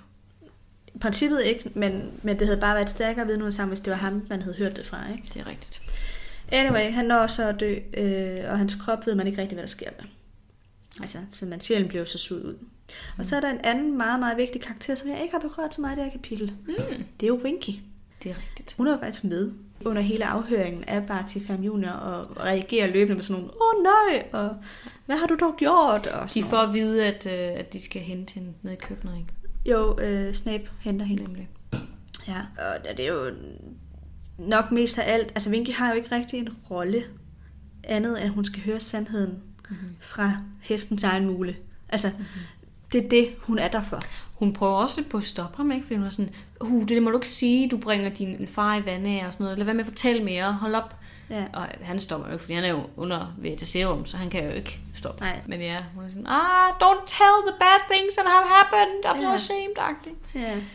ja. men igen, 100% loyalitet til familien, ikke? Det er hun, det må man sige. Men øhm, ja, der sker, jeg har researchet lidt, og hun fortsætter med at arbejde på Hogwarts. Mm. Og hun kæmper også mod dødskadisterne under 2. troldmandskrig. Okay. Der, øh, jeg ved ikke, om man kan huske det, men Kræ, han ja. samler jo husalferne og kæmper mod dødskadisterne. Der er hun med i den flok af, af husalfer. Gør Kræ det? Ja. Han er i spidsen, han er i spidsen for husalfernes øh, kamp mod dødskadisterne. Og der er Winky med på det hold. Øhm, okay. Eller man skal sige, hun kæmper med, med de andre der. Og så har jeg fundet et interview med J.K. Rowling, hvor hun udtaler sig om det her alkoholmisbrug, som mm. Winky har. Og J.K. Øh, fortæller sig, at øh, Winky kommer sig aldrig helt over sit misbrug. Hun bliver ved med at drikke hele sit liv, men det bliver bedre. Altså, hun, hun toner lidt ned og drikker mindre, end hun gør i den her bog. Når sorgen den ligesom letter ja, mere og mere. Tiden. Hun får lidt nemmere ved måske ikke at styre det, for hun er stadig alkoholiker, men hun, hun, hun er ikke lige så fuld hele tiden. Nej. Så det får sådan ligesom et leje. Mm. Ja. Og man kan også sige, hvis der var nogen, der havde været så kvikke af ret blikket mod Winky og havde fået hende til indrømme, hvad der ligesom var sket, ikke? så havde vi heller ikke haft alle de problemer, som vi havde haft nej, i den her bog. Vel? Nej, de skulle vi, have afhørt hende lidt tidligere. Hun har haft nøglen til det hele lige fra starten nærmest, mm. ikke? Ja. Men det er jo det, når man ikke anser hushal for, ja. for noget. Ja. Det er jo en fejl, både Voldemort og Dumbledore lidt, eller Dumbledore begår måske ikke fejlen på samme måde, men han tænker bare ikke lige over det. Nej. Øh, og Sirius. Ja. Jamen, det, det er generelt en problem, at troldmændene ikke tænker ja. lidt mere husalferne ind. De har ikke blik for, hvad der kan komme ud af at snakke Nej. med dem. Eller? Man kan sige, at Junior gør det jo lidt, fordi han ja. inddrager jo Dobby i øh, hans ja, plan ved at få Dobby til at komme med gilletang til. Og han får også overbevist Winky om, at han skal have lov til at komme til Quidditch. Ikke? Jo, jo. Han vinder hendes øh, empati og sympati. Ja. Hun har bruger, eller har ligesom den samme kærlighed til ham, som hans mor har, og det ja. spiller han på. Ja. Det udnytter han. Ja, det udnytter han. Ja, det er jo selvfølgelig ikke super fedt, men han, han anerkender dog, at hun kan få en betydning. Ja, og det gør hun også. Altså, det, det, hun er faktisk virkelig vigtig for plottet, og det er jo derfor, det er super interessant, man har valgt at skære hende ud i filmen. Men øhm, det tænker jeg, at vi kommer til at snakke om en masse, når det vi skal se den. Ja, og så er lige en lille baggrund om fru Færm. Mm. For hende har jeg også lavet lidt research på. Nice. Og der var så ikke så meget, desværre. Men der stod, at hun var meget alene hjemme med sin søn, da han var lille. Fordi øh, faren der, han arbejder utrolig meget i mit sted. Ja. Og så står der så også det her, som vi har snakket lidt om, at, at hun elskede ham, men heller ikke kunne se klart, hvem han var. Mm. Og øh, at hun... Øh, hun er sådan forblændet af ja, ham. Ja, præcis. Men øh, det er så, hvad det er. Men meget, meget tyder på, at hende og faren faktisk elsker hinanden ret højt. Ja. Det er også øhm, derfor, han, altså, han går med til at gøre det, ikke? Jo, han bliver påvirket af, at, at Winky bruger hende som, som pressemiddel, ikke? At um, hun vil have ønsket og også det, det her. også det, han vælger at skifte dem ud, ikke? Der med Askaban. Ja, han at... gør det jo mod bedre vidne. Han ved jo godt. Han har jo af, ja, afluret, hvad der er for en søn, de har. Det er præcis. Og han går med til det, det er for fordi at gøre hans hende, kone ønsker det. Det er for at gøre hende glad, mm. eller hendes sidste ønske, ikke? Jo, præcis. Men det, det, det er mega, mega interessant, den der dynamik. Ja. Og hvad hun har overset. Det er jo også sjovt, han siger jo også det der med, bare til familien, at hans far er en svækling. Mm. Det, er sådan, det er overhovedet ikke sådan, han er blevet framet i bøgerne, vel? Der er det sådan, at man er på vej til at sådan blive øh, altså, den nye minister for magi. Men i hans øjne, der er han bare på, på niveau ja. med en eller anden random muggler. Ja. Altså. Ja, ja, det er rigtigt. Så, men det, mere kunne jeg desværre ikke finde, og jeg kunne Nej. ikke engang finde ud af, hvad hun hedder. Eller men sådan synes jeg tit, det er, med, at det er jo det samme med Amos Dickorys kone, ikke? Altså, ja. Der er så er der ikke noget info på de der hun er bare, tit koner, ikke? Ja, de fylder ikke så meget. Nej. Så, ja. Men mega spændende. Mm. Det synes jeg var sindssygt godt. Altså. Ja, det synes jeg også. Skal vi gå videre til ulepost? Ja.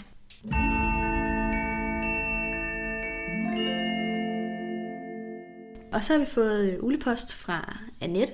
Nice. Som uh, skriver til os. Hun skriver først, uh, at hun godt kan lide vores podcast, og det, det var altid dejligt. Det er dejligt at høre. Og hun er glad for uh, Stephen Fry's uh, oplæsning. Det var det starter anbefalet den på et tidspunkt. Virkelig, virkelig godt. Elsker den. Mm. Nå, men det har ført til to spørgsmål. Og den første er, at uh, det er Kreds store drøm at få sit hoved op på væggen på, uh, på Grumsted Plads. Mm. Ligesom at forfædrene også er forfædrenes husalfer. Og øh, Winky fortæller også om, hvordan hendes mor og mormor har tjent den samme familie altid. Og det er lidt mig til spørgsmålet, hvordan får mere hushold for sig? De er jo sjældent i par, og de skal vel altid være hos deres troldmandsfamilie. Og skal de så være gravide i ekstra antal måneder og stadig udføre samme arbejde? Det er meget interessant. Det føler jeg er noget, vi har været inde på før. Jeg kan ikke Nå, huske, hvad svaret er. Altså, jeg har prøvet at lave research, okay. og øh, jeg har ikke kunne finde noget, som J.K. Rowling har sagt vedrørende det her. Men jeg har kunne finde rigtig mange fans, som har diskuteret det her spørgsmål. Ja. Der er mange, der øh, har tænkt over det. Mm. Ja, det, hvis, jeg, hvis jeg, inden du går, ja. går videre med det, så tænker jeg, at der er to muligheder. Ikke? Den ene, det er, at de gør ligesom dementorerne, at de bare sådan bliver skabt ud af et hus. At det sådan, fordi der er et sted, hvor der er noget familiær energi, så kommer der en husalf ud af den blå luft. Ikke? Mm. Det er ligesom den ene. Og den anden, det er, at de jo så formerer sig klassisk. Der tror jeg nok mest på nummer to. Men så er spørgsmålet, hvordan. Ja. Altså ikke selve akten, men hvordan, hvordan møder de hinanden omkring det. Ja. ja. Øh, Husalfa dating. Ja, altså, og der, øh, der er mange fans, som har skrevet om, at de tror, at husalfernes øh, herre laver aftaler. Ligesom sådan noget hundeavl. Nemlig. Oh, damn. Med sådan nogle yeah. avlstidspunkter aftaler så, hvem der får øh, husalferbarn. Yeah. Det er der mange, der tror. Ja, det er en meget ubehagelig tanke. Det er sygt klamt. Ja, det er det. Men det var, det var faktisk en af dem, jeg kunne finde flest, der troede på. Så er der også nogen, der mener, at reproduktionen styres af et agentur, fordi der i den amerikanske Wizarding World of Harry Potter, det er sådan en temapark, der er i USA, mm. er en butik, som hedder The House Elf Placement Agency. Mm. Så måske, at det kunne være et eller andet tegn på, at der var øh, ligesom en instans, som ja. sørger for det, ikke? Det er også ret ulækkert. officielt datingbureau som så også... Altså så, som jo så også er nogen, man køber ja. fra. Altså sådan slavehandel. Ja. Lad os kalde det. Altså det er jo det, det er der. Rigtigt. De sender dem ud. Men det, det, den går jo så imod, at, øhm, hvad hedder det, at man har samme familie, ikke? At det er, det er en linje, ja. en, en, familie, blodlinje, hvad hedder ja, det? og jeg vil så også sige, jeg tror ikke, jeg, det, jeg køber Blot ikke helt det her, fordi det, at USA har en temapark, Altså det synes jeg ikke er et bevis for noget som helst. Nej, det kan jo godt være, at en ting... Det er jo ikke noget, der er godkendt af det Rowling. Altså at hun har anerkendt alt, hvad der er i den temapark. Nej, altså. Men jeg tænker, det kan jo godt være, at der er noget, der fungerer i USA i den magiske verden, men at det ikke er tilfældet i England.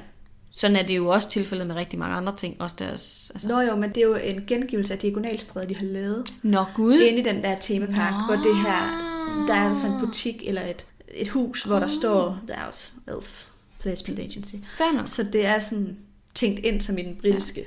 Harry Potter-verden. Fair nok. Nej, det kan jeg godt se. Så kan jeg godt se, hvad du mener med, at... Øh, Det, og det tror jeg bare ikke på. Og vi hører heller ikke om, at det er der i den rigtige diagonalstræde. det giver i hvert fald ikke mening, det der med, at det så er familie, vel? Nej. Og jeg kan også huske, at vi har gennemgået diagonalstræde-butikkerne bog 1. Og der var altså ikke en husalfe-butik med. Nej. Så jeg tror, den, den køber jeg simpelthen ikke. Så tror jeg mere på det der med avls øh, elementet. Den allermest ægle... Ja. Og der er så også nogen, der henviser til, at der i en, jeg kan så ikke huske, hvad det hedder på dansk, men en Wombat-eksamen. Ja, Det er ikke UGL'er. nej, det er sådan den, Det de har er- i femte år, er ikke det? Jo, måske. Tror jeg. Men der er der noget med, at der på et tidspunkt, og det kan jeg, jeg kan ikke huske, om det er med i bogen, eller om det er bare er noget, det kan måske har sagt på et eller andet tidspunkt. Mm. Det har jeg ikke lige kunne gennemskue. Men i hvert fald, at der er den der, under den der multiple choice eksamen, mm. Bliver spurgt til husalfer, hvor man skal vælge, hvilket af svarmulighederne, der er forkert.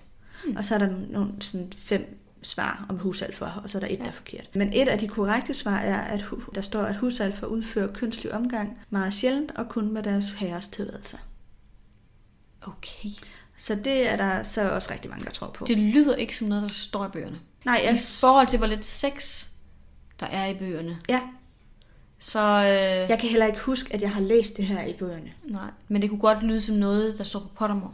Ja, For det der er jo meget bonusmateriale, og der er, altså, der ligger jo rigtig meget derude, og ting, hun har skrevet ekstra og sådan noget. Så det undrer mig ikke, at det er noget, der ligger derude et sted, og som sikkert er rigtigt. Men jeg tror ikke, det er noget... Altså, det er sådan noget nisseoprør og sådan noget, vi hører om, ikke? Jo, Altså, eller sådan, hvordan forvandler man en tekop til Ja. en mus? til en Ikke? rotte og sådan. Ja, altså, men man kan sige, uanset hvad, så er den her måske... Altså, det er jo helt alt sammen ret ulækkert.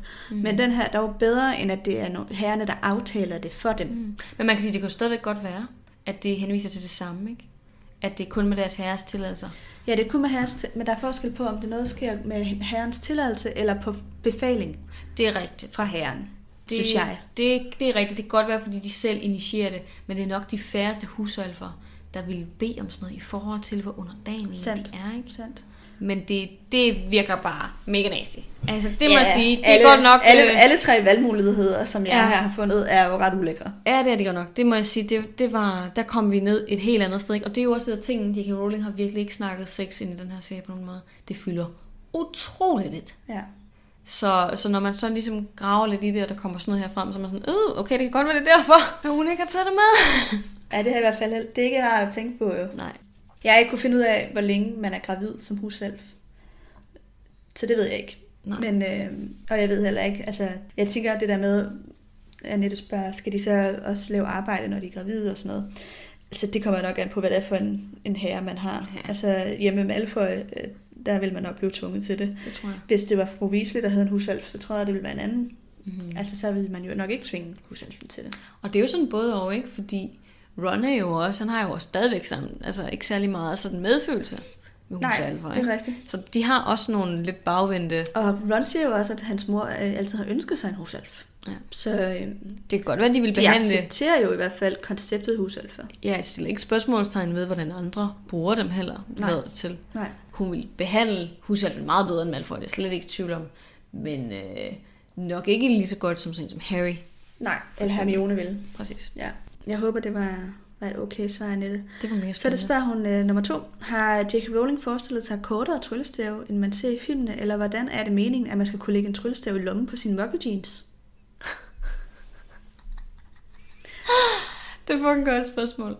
Det synes jeg også. Ja, det er der faktisk også for mange, der har skrevet, øh, om Er nettet. det? Ja. Det har jeg aldrig sjovt. spekuleret over. Men øh, vi hører jo faktisk på et tidspunkt i bog 4, at Harry har taget sin tryllestav i baglommen. Det er rigtigt. Og så får øh, sådan, Donner siger et eller andet med, at øh, Nå, har du stadig dine baller, eller sådan noget. Mm-hmm. Det er rigtigt. Pas på, du skyder dine baller af, eller sådan Ja, noget. sådan noget lignende. Så det er jo noget, de gør. Det kan godt være, den bare sådan stikker op. Mm, ja, men det er godt nok altså meget usikkert. Ja, den er, den er lidt Den er let at falde ud i forhold til, hvor lang den er. Det er rigtigt. Ellers skal man have nogle utroligt dybe baglommer. Ja, Hvad, har, hvad finder folk ud af? altså, øh, det, jeg har fundet ud af, at altså, de bruger primært kapper Ja. i Troldmandsuniverset. Og der er jo faktisk en lomme til tryllestav syet ind i kapperne. Hmm. Så den er løst. Og så har jeg selv tænkt på det her med, når de har muggle jeans på, så tror jeg, at de stikker den ned langs låret. Mange gange. Mm. Fordi- Altså ned i selve I, buksen. ned i buksen. og så ned langs låret. Man kan sige, de har jo også muligheden for på en eller anden måde at lave det der, øhm, altså det der trick, hvor de gør noget større indeni, end det er udenpå, for eksempel teltene Ja, i, det er i firene, ikke? at man så kan forstørre sine lommer. Forstørrede lommer. Men det kan, Det jo kunne godt, være en god forklaring. det kan også være, nu ved jeg godt, de laver ikke øh, muggle jeans i Harry Potters verden, altså i den, i den magiske verden er det jo ikke noget, de kan få ved Madame, øh, hvad er det, hun hedder? Madame Malkin. Madame Malkin. Men altså, må ikke de kan lave modifikationer mm. til muggle-tøj? Jo, det kan de nok. Jeg tænker, Ved du hvad, det tror jeg er det mest troværdige det, det er jeg glad for. hvad skal man sige, argument. Fordi jeg var også bare sådan, "Nå, det har J.K. Rowling ikke tænkt på. Men må ikke man godt kan gøre det? Det tænker Det vil nok være det, J.K. Rowling vil svare. det, jeg tænker, det er sådan, det er sådan en husmor Ja. Altså, sikrer man lige, at lommerne de er dybe nok, og der er plads til det, der skal være plads til, ikke? Jo. Som man siger. Ja. Okay. Ja, øh, det, det tænker jeg. Og som igen, skide smart, at man har en lomme specifikt til det i kapperne. Ja. Og sikkert også, når de, jeg ved ikke, har de bukser på under kapperne? ja, det er jo et tilbagevendende spørgsmål. Ja, den, den er jeg heller ikke helt sikker på. Jeg ved, at vi har snakket om det før, men jeg skulle ikke huske det. Så det kan godt være, det er bare et skørt for dem alle sammen, ikke? Men ellers så er der jo helt sikkert også en 15 milliarder lommer i sådan et par gevanter. Altså i filmen har de jo buks på inderne. Ja, det er rigtigt. Ja. Mega gode spørgsmål. Mm. Altså, og det er jo der, hvor det er godt, at de nogle gange kan sådan tænke ned i de små detaljer. Ja, det er super fedt. Så har vi fået en mail fra Karoline, og øhm, hun spørger, altså, og det skal man jo lige huske, vi tager jo de her spørgsmål i rækkefølgen, de kommer ind, så nogle gange har vi måske faktisk svaret på noget af det. Mm-hmm. Men derfor kan man jo godt lige genopfriske. Fordi hun spørger nemlig om øh, det her med på, på baton og dumstrang, at hvad hvis man er pige, kan man så ikke komme på baton og omvendt? Nej, slå, kan man så ikke komme på dumstrang og omvendt? Ja. Hvis man er dreng, kan man så ikke komme på, på baton. Det er det her med, og det er fordi, det, så det er i filmen. Ja. Men i bø- bøgerne, der er det jo faktisk blandede skoler. Der Ja. kan alle køn komme på alle skoler. Lige præcis. Det er simpelthen filmisk for at få det til at se mere sådan dramatisk ud. Sådan, uh, de store stærke mænd fra Ja. det mørke nord, eller Præcis. hvad man skal kalde det. Og de feminine kvinder fra Frankrig. Mm. Faktisk meget sjovt, at hun, altså det er sådan primært spørgsmål til bog 4, og den Ja. ja. passer lige nu. Det passer nemlig rigtig Ja. godt. Det gør det. Nå, så det næste, det er, derudover mener jeg at huske, at I har talt om, at Ormehale dør, fordi han viser barmhjertighed, og at Voldemort har tænkt det ind i den hånd, han giver ham. Det er ret interessant. Og i bog 3 taler Harry så med Dumbledore om, at der vil komme et tidspunkt, hvor det vil komme Harry til gode, at han har reddet Ormehale. Og jeg har tænkt, at det var derfor, han viste ham barmhjertighed, og det supplerer måske lidt den første teori. Og det må sige, så det, er- det er et rigtigt spørgsmål, men jeg har tænkt videre over det. En overvejelse. Ja, og jeg vil sige, altså Harry vidste jo ikke, hvad der ville ske med Ormehale, da han viser ham barmhjertighed i bog 3. Nej. Han ved ikke, hvad Ormehale vil gøre senere hen. Så på den måde tror jeg ikke, at Harry på den måde har haft bagtanker med det. Altså det er mere et udtryk for Harrys personlighed, at han udviser barmhjertighed. Det er sådan lidt sådan en Øhm. god karma-ting, ikke? Det er god karma, ja. What goes around, comes around. Ja, og det er jo rigtigt, at det giver bagsag for Ormehale, at han ikke, altså at han viser barmhjertighed. Ja, at han ikke er tro mod Voldemort, fordi Voldemort har bygget ind den her hånd. Præcis, og det er jo, til så jeg tænkte over, det er jo også et meget fint symbol, og, og også et godt knep til at vise forskellen på det gode og det onde. At i det gode, der bliver man belønnet, når man viser barmhjertighed, ja. og ved de onde, der så det der ihjel. Så det er et meget, meget fint øh, sat op der på en eller Det er anden egentlig rigtigt nok, ja, fordi det er ikke øh, i, i Ormærels tilfælde, der, er det, der koster det ham alt. Ja, Det havde ultimativt været bedre, hvis han havde været 100% tro mod Voldemort, men det er jo også det der ting, at han er ikke lojal, han er bange, han er en kujon. Ja. og derfor han er der. Ja, Og det siger jo alt om ham og hans karakter, ikke? ja, lige præcis. Mega Det har Voldemort jo så heller ikke så meget respekt for. Nej. Det kan man sige. Og så skriver hun øh, en sidste ting, som jeg ikke kan huske, om vi har talt om, men der er jo lavet undersøgelser, der viser, at folk, som har læst Harry Potter, er mere empatiske, betænksomme og har en tendens til at stemme demokratisk i en amerikansk undersøgelse. Mm. Og det er, det er jo ret interessant. Og jeg tror faktisk også, vi har snakket om det på et tidspunkt. Vi har snakket om nogen, noget med nogle, nogle skoleelever, der læste dem og var mere tolerante derefter. Det er jeg ret sikker på. Ja, det mener jeg altså også, vi har talt om. Det tror jeg var en europæisk undersøgelse. Nej, det tror jeg var en amerikansk. Var det også Fordi amerikansk? det var noget omkring, også noget med støtten til de forskellige præsidenter, der var på det tidspunkt, Nå, jeg huske. Om det var okay. en sådan republikansk eller en demokratisk. Og Nå, så kan ja. Du godt lyde, som om det var den jeg tror faktisk, det er den samme undersøgelse. Fair nok. Og det er nemlig ret interessant. Altså, som jeg husker den, hvis det er den samme undersøgelse, vi snakker om, så var det ikke nok, at man bare har set filmene. Man skulle have læst bøgerne. Mm. Og der var også et eller andet med, tror jeg, vi flere gange, man havde læst bøgerne. Ej, det er jeg lidt i tvivl om. Jeg kan bare huske, der var en forskel på effekten. At den var der ikke, hvis man kun havde set filmene, men de var der, hvis man havde set Men lesbien. det giver også mening i forhold til, at man bliver slet ikke indført på samme måde, eller indoktrineret Ja. i det her øh, verdenssyn, vel med, at vi skal, øh, vi skal ikke skue hunden på hårene, vi skal have tillid til vores medmennesker, også selvom at de potentielt, eller selvom andre framer dem Ja. som noget særligt, eller har nogle øh, fordomme mod dem. Altså, det er jo virkelig gennemgående i serien. Ja. Igen, så kan man jo undre sig over J.K. Rowling og hendes holdninger til uh, transkønnede. Men det ja. er så en anden snak. ja, tolerancen har ligesom et... et, et øh... Et endepunkt, Ja, det kan man jo kalde det. åbenbart. Der er ligesom her til at ikke længere tolerance på en eller anden måde. Ja, men det er en spændende undersøgelse. Altså, man skal selvfølgelig være opmærksom på, altså, er der tjekket for det, man i hvert fald statskundskab kalder kausalitet? Altså, Ja. går virkningen den vej, at fordi man Præcis. læser Harry Potter, bliver man mere tolerant? Eller er det virkelig den omvendte vej? Er der Folk, noget- der er meget tolerante, kan godt lide at læse Harry Potter. Ja. Og øh, er der potentielt andre faktorer, der sådan Ja, spiller ind. folk, der generelt læser meget, er mere empatiske, eller mm. altså, der er i hvert fald nogle, nogle faldgruer, og det, det kan jeg ikke huske, om de havde taget højde for i den undersøgelse, det havde de sikkert, men, Men jeg men tænker, det der, skal man bare altid lige være lidt ops på, når man hører sådan nogle statements. Det er altså, rigtigt. er det nu den vej, det går, eller... Men jeg tænker, der er lavet flere undersøgelser sikkert om Harry Potter, og det er jo også noget, man kunne komme ind på, hvis man engang skulle have sådan en academic analyse af Harry Potter, hvis man skulle lave det som bonusafsnit, eller hvad ved jeg. Mm. Det kunne være interessant at prøve at dykke ned i. Mm-hmm. Ja. Mega gode spørgsmål. Ja, det må man sige, og gode overvejelser. Så tak til Annette og Karoline, Fedt. som har skrevet ind den her gang. Mm-hmm. Mm. Der er faktisk mange lyttere, der har skrevet til os, har lagt mærke til, om vi vil lave et helt afsnit kun med ulepost. Så det er, et ret, øh, det er et ret populært segment. Mhm. Jeg synes også, det er spændende. Og det er også sjovt, det der med, hvor forskellige spørgsmål vi får. Helt vildt. Både fra igen til det helt, helt ned i detaljen, sådan noget med tryllestaven i buksen. Ja. Hvordan fungerer det lige til øh, altså sådan de, åh, de store linjer Ja. i serien. Hvad med det her plot? Ja, Så præcis. det er ret fedt. Mm. Og det tænker jeg også er noget, vi gør på et tidspunkt. Altså det er jo det er super oplagt, at vi laver en bonusepisode med det. Ja. Der kunne man jo eventuelt også have en gæst med. Ja, kunne vi godt. Maybe. Men øhm, Så skal vi jo have øh, citater. ja,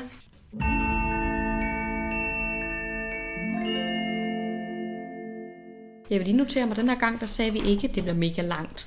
Nej. Så nu ved vi, det bliver det. Og by the way, vi er nået op over 600 sider nu, Ja. og meget snart færdige. Og jeg troede lige, min, øh, jeg har jo sådan en lille, Flap. lille post-it Mm. flap i, og jeg troede lige, den var blevet væk, fordi den havde foldet sig ind, så jeg kunne ikke lige finde mit citat. Fanden. Nå, den var her. Det er Ja, men godt. du starter. Jeg starter selvfølgelig, og det er klart nok under hele den her priori incantatem situation, mm. hvor de her ekoer, de kommer frem. Den røgagtige skygge af en ung kvinde med langt hår faldt ned på jorden på samme måde som Bertha og de andre. Den rettede sig op og så på ham, og Harry, hvis arme rystede, som om han fik et stærkt elektrisk stød, så på sin mors spøgelsesagtige ansigt. Din far er på vej, sagde hun stille. Han vil gerne se dig. Det skal nok gå. Hæng på. Nå. Ej, det var også et smukt, sweet. et smukt sted. Ja, jeg har så valgt øh, noget i en lidt anden genre, som er øh, et sted, hvor man fornemmer juniors ønske om at tjene Voldemort. Uff. Give me the drama. Yes. Og hvad sagde Lord Voldemort så til dig, spurgte Dumbledore.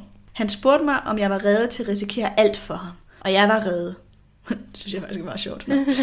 det var min drøm, min største ambition at tjene ham. At bevise mit værd for ham. Han fortalte mig, at han havde brug for en trofast tjener på Hogwarts. En tjener, der kunne hjælpe Harry Potter igennem turneringen i Magisk Trekamp, uden at nogen anede uråd. En tjener, der kunne våge over Harry Potter og sikre, at han nåede først frem til pokalen. En, som kunne forvandle pokalen til en transitnøgle, der ville føre den første, der berørte den direkte til min herre. Det var også lige en opsummering af alt, hvad han har lavet. Præcis. Det siger virkelig noget om hans øh, dedikation og Ja. mission. Og han er reddet til at dø. Han er reddet til at dø, ja. Og det gør han jo også. Ja. Der er også et sted, hvor Voldemort har spørget ham, er du reddet til at ofre alt eller et eller andet? Og det svarer han, ja. Det er jeg. I love you. Jeg er bare mega klar. Sådan set. Men det var, Det var det mega dejligt. Mm, det var hyggeligt. Det var det godt nok. Det var en og god det måde var, at bruge en fredag aften. det var det. Ja. Og som sagt, vi er færdige med den her bog og sæsonafslutningen, inden jeg tager afsted i slutningen af august. Så det er jo dejligt, der kommer til at komme lidt flere episoder her hen over sommeren, end I lige er vant til. Ja, det er rigtigt. Så men vi er faktisk også ved at være ved vejs. Vi mangler øh, to kapitler, Ja. og så mangler vi selvfølgelig et øh, filmafsnit. Præcis, så vidderligt to episoder mere. Mm. Så det er godt, og det er fedt, og det er dejligt at være så langt i serien endelig. Ja. Det må jeg sige, det føles rigtig godt at være mere end halvvejs nu. ja. Det er også noget hen til den gode halvdel nu. Mm. Nu er vi jo nået fra, at Harry og Ron og Hermione er nogle små børn til, at du sker der for alvor noget. Ja. Både i deres følelsesliv, men også sådan spændingsniveauet i bøgerne Ja. Er jo stedet markant. Der kommer Altså- noget drama, Ja. og øh, altså man kan sige, bog 5, det bliver også lidt vildt, ikke? for der er godt nok meget teenage angst, ikke? Jo. Så det skal vi også lige være forberedt på, at Det skal vi øh, til at håndtere Harrys sorg og øh, angst omkring alt, der sådan Det bliver sker, spændende. ikke? Men først, flammernes pokal. Ja, vi skal lige gøre den færdig, ikke? Jo. Tak for i dag, Nana. Selv tak, Amalie.